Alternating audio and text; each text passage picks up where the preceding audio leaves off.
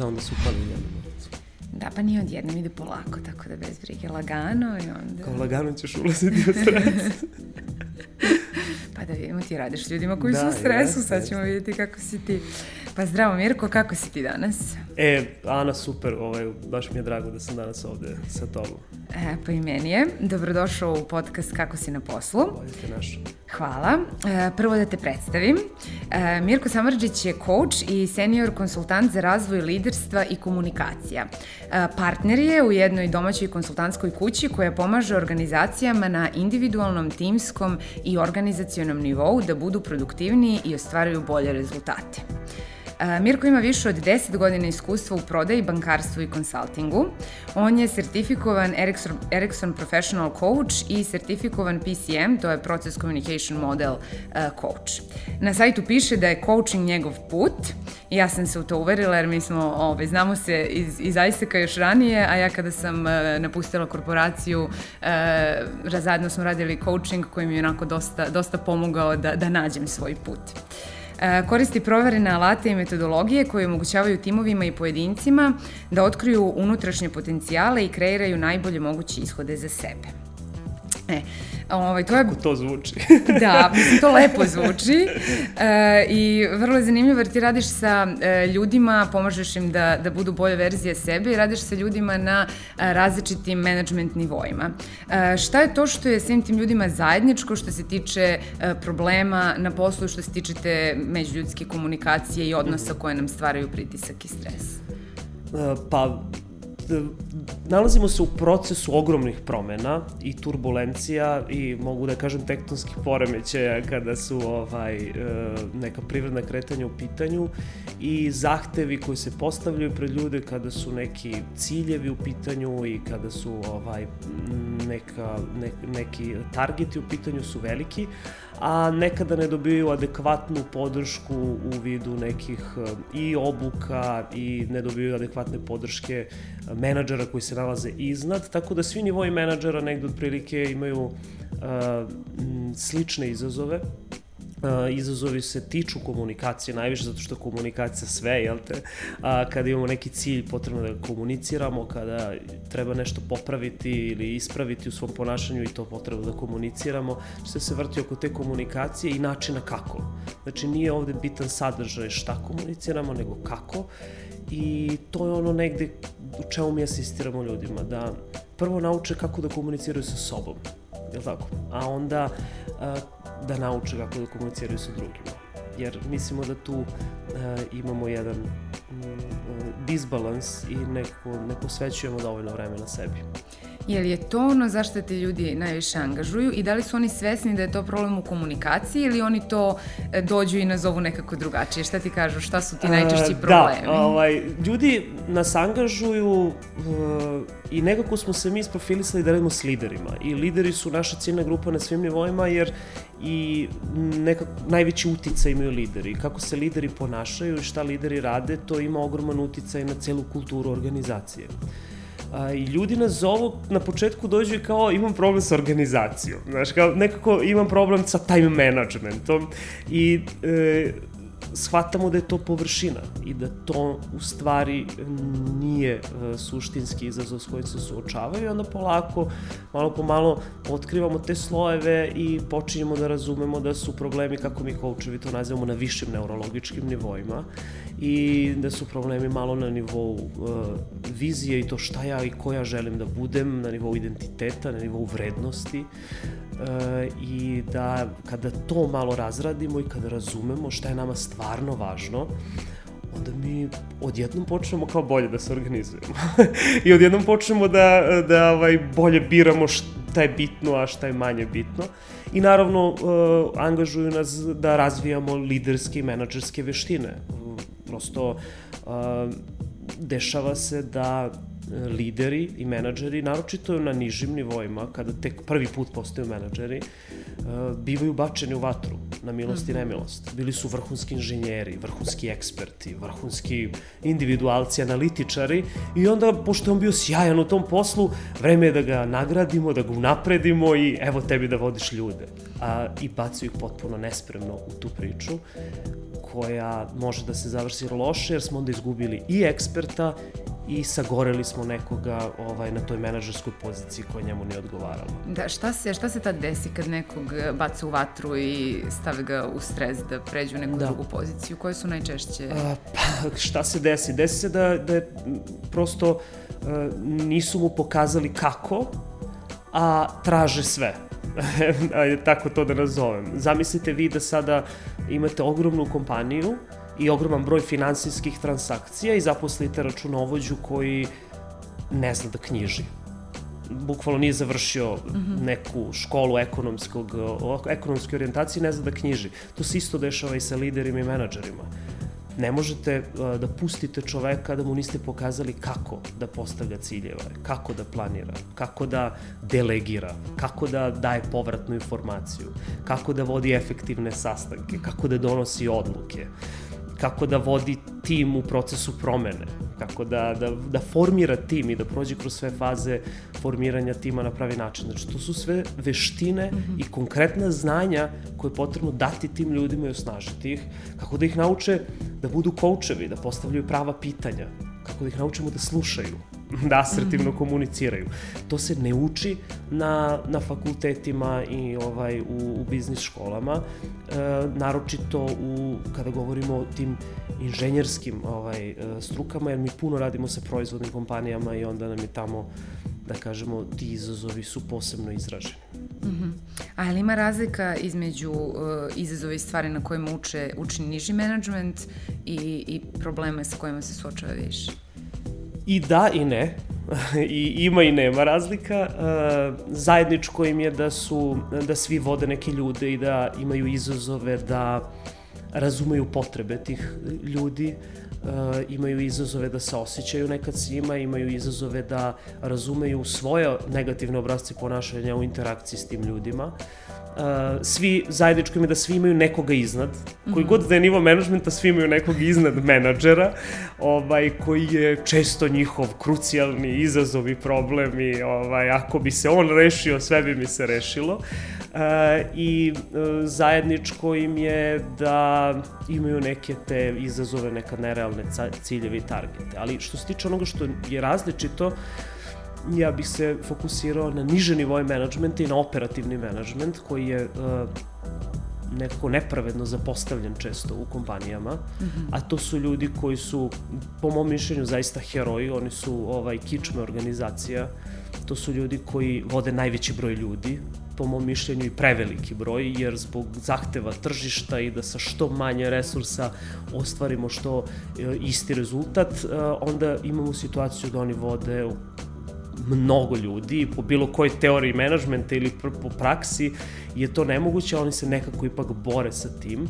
To je jedan izazov s kojima se oni suočavaju, drugi izazov da oni nemaju krug uticaja na to kakav će target i dogovor biti što se mhm. tiče samog cilja, ovaj, onda oni dobijaju taj cilj i trpe najveći pritisak jer to što je negde dogovoreno gore e, to se pojavno manifestuje na njihovom nivou. Oni su ti koji rade egzekuciju. Mm -hmm. I e, zaista su oni, da kažemo, neko ko ovaj, e, ima najveći izazov i pritisak i onda mm, ne dobijaju jasne zahteve, ne dobiju pravovremene zahteve, informacije ne putuju m, idealnom brzinom od vrha do dole, mm -hmm. pa se onda gubi tu ovaj, različiti segmenti tih informacija i tako dalje i tako dalje, a da ne pričam, ovo sam već pomenuo, da ne dobiju adekvatnu podršku mm -hmm. u razvoju veština koji su im potrebne da bi uspešno obavljali svoj posao. Dok ovi drugi menadžeri opet imaju izazove sa tim uticajem, kako da utičem na više nivoje, znači to mi zovemo managing up, kako da upravljam svojim menadžerom, znači kako mm -hmm. da mhm. utičem na neki cilj, možda i na nešto što nije realno, kako da se nosim sa sobom, sa balansom, sa zahtevima. Oni često recimo su na mnogo sastanaka mm -hmm. i oni stalno imaju neke Teamsove, Zoomove i tako dalje, a svi znamo da je leadership priča i razgovor sa ljudima i onda im ti sastanci, ti te izveštaji, te tabele, ti PowerPoint, ti ovaj, prokleti PowerPointi koje mi izbegavamo da uopšte koristimo u bilo kakvim našim obukama, im toliko oduzimaju vremena da oni nemaju vreme da se pozabave svojim ljudima, da razgovaraju sa njima, da ih razumeju, da ih čuju. I da ne pričam da onda i informacije koje dolaze od dozdo mm -hmm. do viših nivoa menadžmenta, ako još imamo dva, tri nivoa između, efekat gluvog telefona, mm -hmm. ne dobiju adekvatnu, pravovremenu informaciju, nemaju jasnu sliku i onda donose pogrešne odluke i onda kad donosemo pogrešnu odluku, mm -hmm. stvara se pritisak i tako dalje i tako dalje. Tako da, to su neki izazovi sa kojima se suočavaju, ali suštinski rad sa ljudima je sam po sebi veliki izazov. To je ispunjavajući, mm -hmm. ali vrlo, vrlo težak posao. A kaži mi, uh, verujem da, da je to tako, uh, a reci mi šta je najkorisnije što ti ljudi čuju i što nauče od vas kada su na vašim treninzima ili kada radiš sa njima coaching mhm. sesije, radite jedno i drugo, je li tako? Pa, uh, na coaching sesijama čuju puno pitanja, ovaj, tu ne čuju ništa, ovaj, jer coaching je, uh, mislim, pristup uh, u, koji je advice free, odnosno nemamo saveta. Znači, jednostavno, mi smo tu da vas pažljivo slušamo kao koučevi, kao neutralni posmatrači, znatiželjno postavljamo pitanja i uz neke alate vas vodimo da vi sami dođete do određenih odgovora. Sad kažem vi sami, -hmm. jer smo i ti ja radili i prolazili kroz taj proces, znači sama znaš šta to znači. I tako da coaching je jedan napredniji alat za ljude koji već imaju osnovne veštine, ali pre nego što uđemo u coaching potrebno je da razumemo i osvestimo ovaj, m, koji je moj mentalni stav, kako ja gledam na uspeh, neuspeh, učenje, da malo radimo na tom samo osvešćivanju i tokom naših treninga to isto ovaj, podstičemo, da ljudi osvesti, prvo razumeju šta je to, mhm. a onda nakon toga da prihvate ovaj, sve svoje snage i slabosti i da konkretno razviju veštine ove koje sam malo prenaveo vezano mm -hmm. za ciljeve, delegiranje. Znači, bukvalno demonstriramo kako to bi trebalo da izgleda u praksi i onda zajedno sa, sa njima, na njihovim konkretnim primerima, uh, demonstriramo, odnosno oni to probaju tokom treninga i uh, uče kako to da rade i pripremaju se da kada odu sa tog treninga u ponedeljak ili sledeći dan mm -hmm. nakon treninga, to i primenjuju u, u praksi. Znači mogu da čuju puno toga korisnog, ali to su stvari koje nisu ništa, ništa novo. To je nešto što samo je e, važno da tu zdravu logiku, to sve što je, ajde da kažemo, ponuđeno, da to primenjuju. Jer imamo izazov da se mnoge stvari nakon treninga ne primenjuju. To je ono što je, što je najveći, uh, najveći izazov, što mnogi ljudi idu na obuke, eto, zato što su me mhm. poslali, razumete, mm -hmm. znači to je ono što je što je situacija, nažalost, ali je nama drago da postoje veliki broj i ljudi koji vide to i mi se trudimo da i ti koji su došli kao posetioci, mm -hmm shvate da tu ipak nešto ima za njih i da možda tu može da im se olakša život, plus što mi imamo stil da malo pomeramo granice, da ih malo izazivamo, da ih izbacujemo iz zone komfora, mm, jer nam je važno da da nešto ovaj se desi posle mm -hmm. posle te intervencije. Suprotnom smo svi potrošili vreme i resurse. Da, to je tačno. A spomenuo si dosta tih e, veština koje, koje oni treba da nauče, ali si isto spomenuo kako radite i sa njima na njihovim uverenjima Tako. i stavovima, jer zapravo i te veštine i ponašanje dolazi od tih nekih uverenja. Jel e, možeš da nam kažeš neke, e, neka uverenja koje su, na primjer, sa kojima ljudi dođu, a da, na primjer, oni nisu, nisu svesni toga, a da su im negativna i da, i da ih zapravo sprečavaju, da ili ih uvode u stres bez potrebe ili ih sprečavaju da e, -hmm. prave rezultate? Pa, mislim, puno je takvih limitirajućih uverenja. Mislim, najosnovnije ja to ne mogu. Ovaj, to je moj maksimum, ja ne mogu dalje od ovoga. Uh, neuspeh je katastrofa. Uh, ne smem da mu se pojavim pred očima. Ovaj, gledaju na, na stvari na taj način katastrofično mm -hmm. ili ti ga ovaj, preuveličavaju. Jednostavno misle da su njihovi talenti takvi, da sam takav rođen, limitiran i da ne mogu dalje. Zatim, ako ja to ne uradim, neće biti urađeno kako mm. treba, čuveni perfekcionističko uverenje koje nas tera u burnout, jer onda ja previše uzimam na sebe i onda šta je, šta je stvar. Naročito lideri koji pređu iz ekspertske pozicije i uđu u poziciju kada sad ti moraš da gledaš malo sa višeg nivoa I kao u, u vojsci ili u ratu ti više nisi u rovu, ti si sad onaj oficir koji gleda širu sliku i to je sad tvoja uloga. Mm -hmm. Naravno da ćeš ti uskočiti ako sad puca negde front i tako dalje da pomogneš, ali jednostavno e, ti sad imaš neku drugačiju ulogu i onda um, je teško da se odvoje od tog prethodnog identiteta, mm -hmm. da, mhm. da od tog iskušenja da uđu u to operativno.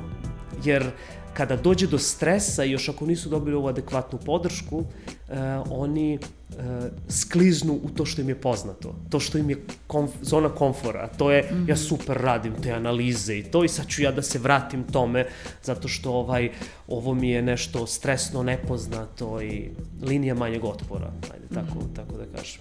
Da, zanimljivo. Dobro, mislim da je ovo vrlo korisno zato što mnog, mnogi mogu da se identifikuju sa, Sigurno. sa tim uverenjima i svi ono negde imamo to u glavi u nekim situacijama da o tome i ne razmišljamo. Onda samo kada osvestimo možemo da zapravo Absolut. promenimo i da se drugačije Ne postoji ponaša. niko od nas, znači ni ti ni ja i ovaj, ni bilo ko koga ja poznajem, mi svi mi koučevi i, i ne znam, i psihoterapeuti imamo svoje koučeve i psihoterapeute. Mm -hmm. Hoću da kažem, mi svi imamo svoje izazove i nekonstruktivna ponašanja i jednostavno se suočavamo sa limitirajućim uverenjima koje smo usvojili kroz svoj život. Jednostavno, to, imali smo različite uzore kroz život koje smo pratili, koji su bili uh, dobri i manje dobri. Jer svi naši roditelji, da. profesori, uh, nastavnici, stričevi, bake, deke su radili svoj posao najbolje kako su znali. Oni nisu mhm. psiholozi po struci i često iz toj najboljoj namere i to kako su najbolje znali nije baš nekad bilo dobro. pa smo mi usvojili neke obrazce koji nisu baš najbolji, odnosno ovaj, nisu baš konstruktivni. Jeste, jeste. Mislim da je to i najbolji deo rada na sebi, kad kreneš da osvešćuješ i da. shvataš sve te stvari i onda kao vidiš čoveč, ali može i drugačije. Tako je, tako je. Ti aha momenti, to je ono što je i u coachingu i u terapiji važno, to je taj, taj aha moment. Da, čoveč, to je to. Kad mm. kažeš sebi, kad to osvestiš, ali opet i dalje i šta sad? -hmm. znači, kad osvestiš i šta sad? Šta ćemo sad sa tim? To je ono što u promeni nije dovoljno da si osvestio da si nezadovoljan, da ti je teško. Mm -hmm. Šta sad? Gde želiš da stigneš? Koje su akcije? Mm -hmm. Pa ništa, pustit ću Netflix. da odgledam jednu, se, jednu, da. jednu sezonicu, dve i to je to. da ne razmišljamo o tome. da, da. da. A reci mi, meni je posebno zanimljivo, pošto vi uh, za neke treninge imate i sami vaše metodologije koje sami kreirate i skoro ste mi ovaj, pričali o, o metodologiji koja e, isto je za rad sa, sa liderima, e, ali koristite attachment stilove ili stilove povezanosti. Da. Pa možeš da nam više objasniš o tome, da kažeš koji stilovi povezanosti po, e, postoje e, i zašto je korisno i zašto vi učite zaposlene da izgrade taj siguran način povezanosti?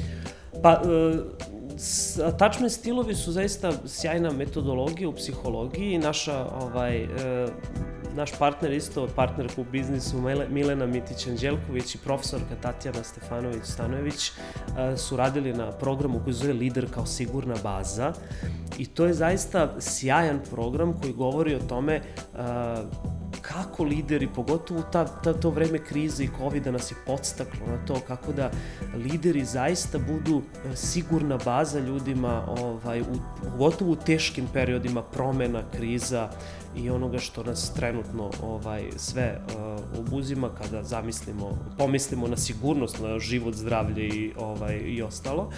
I uh, ta teorija kaže da imamo neke stilove, mentalne modele vezanosti ovaj, koje smo stekli tokom života.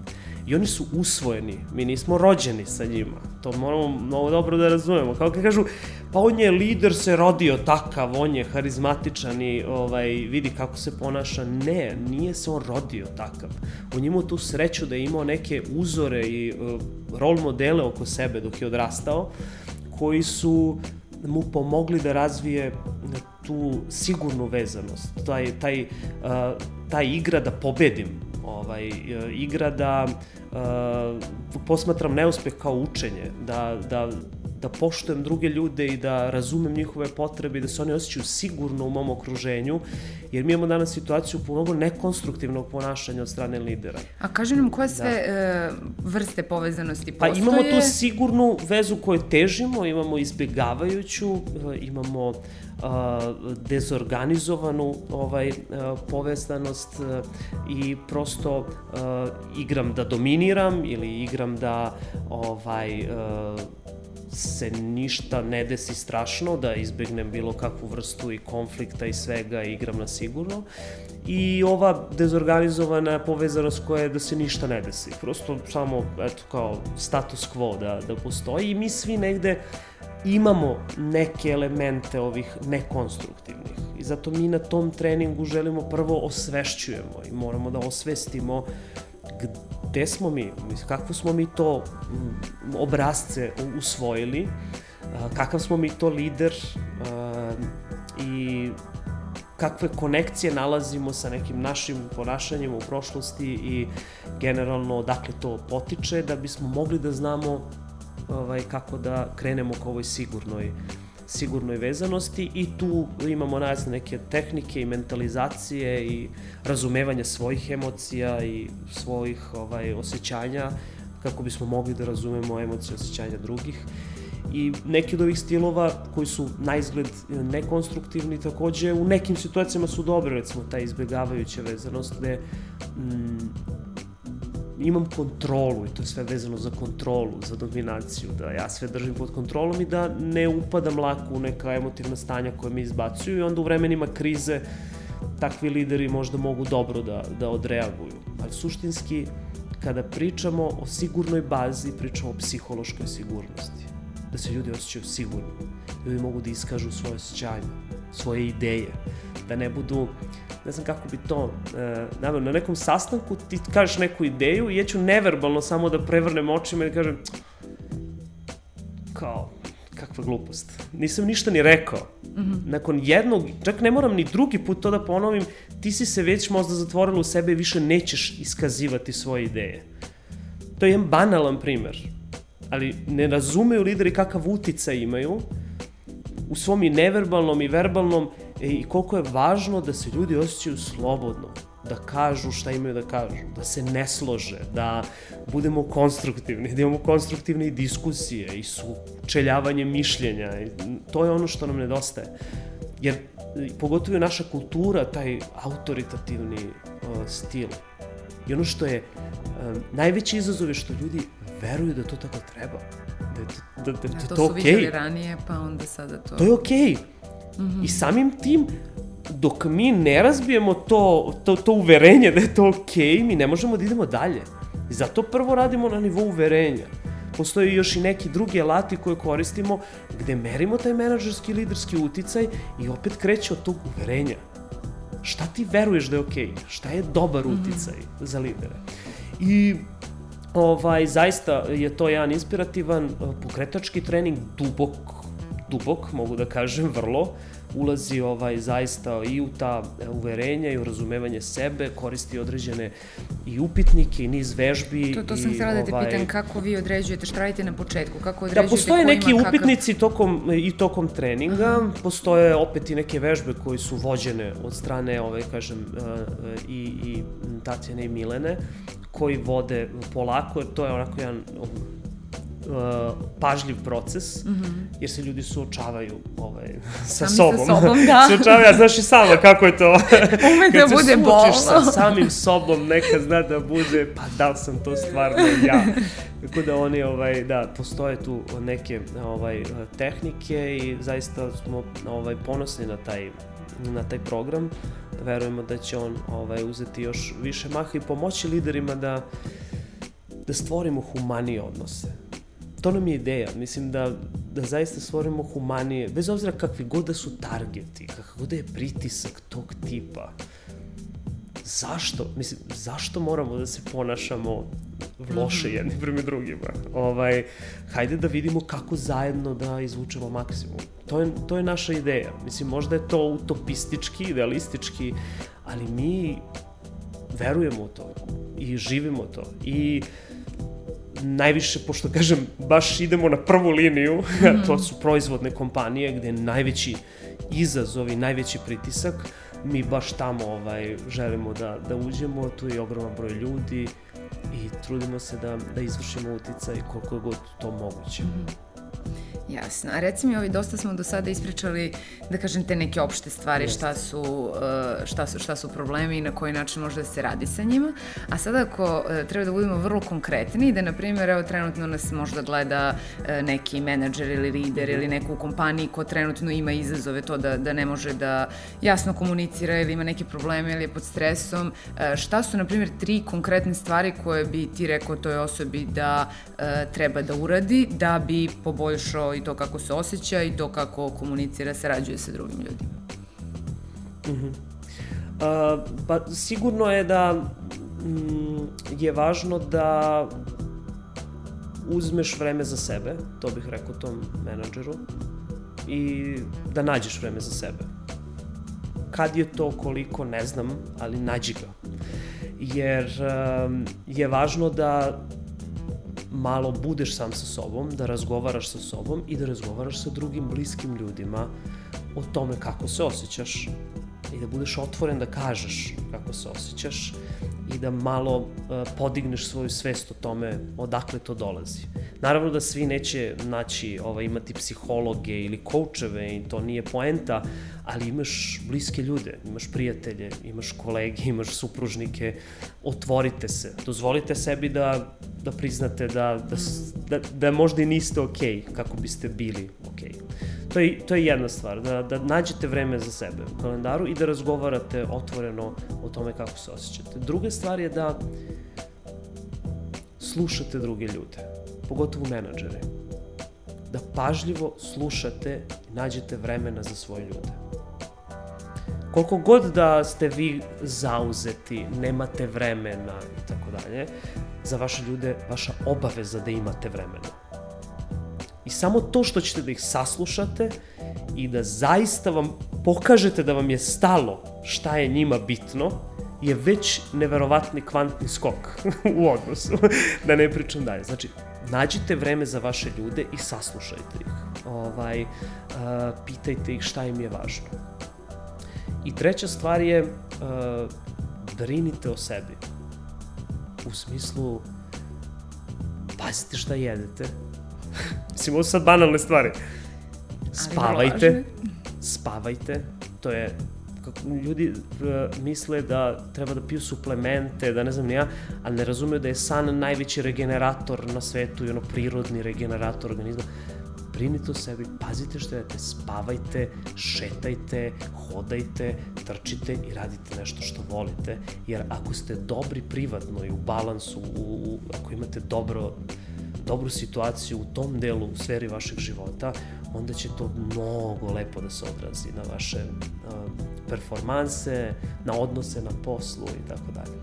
Smo ovo je sad kao ovaj, nešto kao ukratko, ali odatle sve počinje. Znači, krenite od sebe.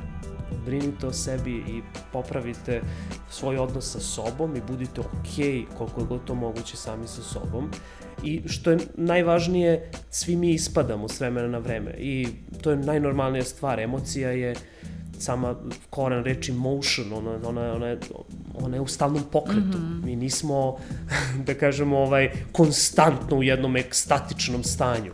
Ali je važno da prepoznate, da razumete uh, šta se dešava, zašto to osjećate, kada to osjećate, u kojim situacijama i šta ćete da uradite da se to promeni sve kreće od, od vas. Ako popravite taj odnos, sigurno se popraviti odnos sa drugima.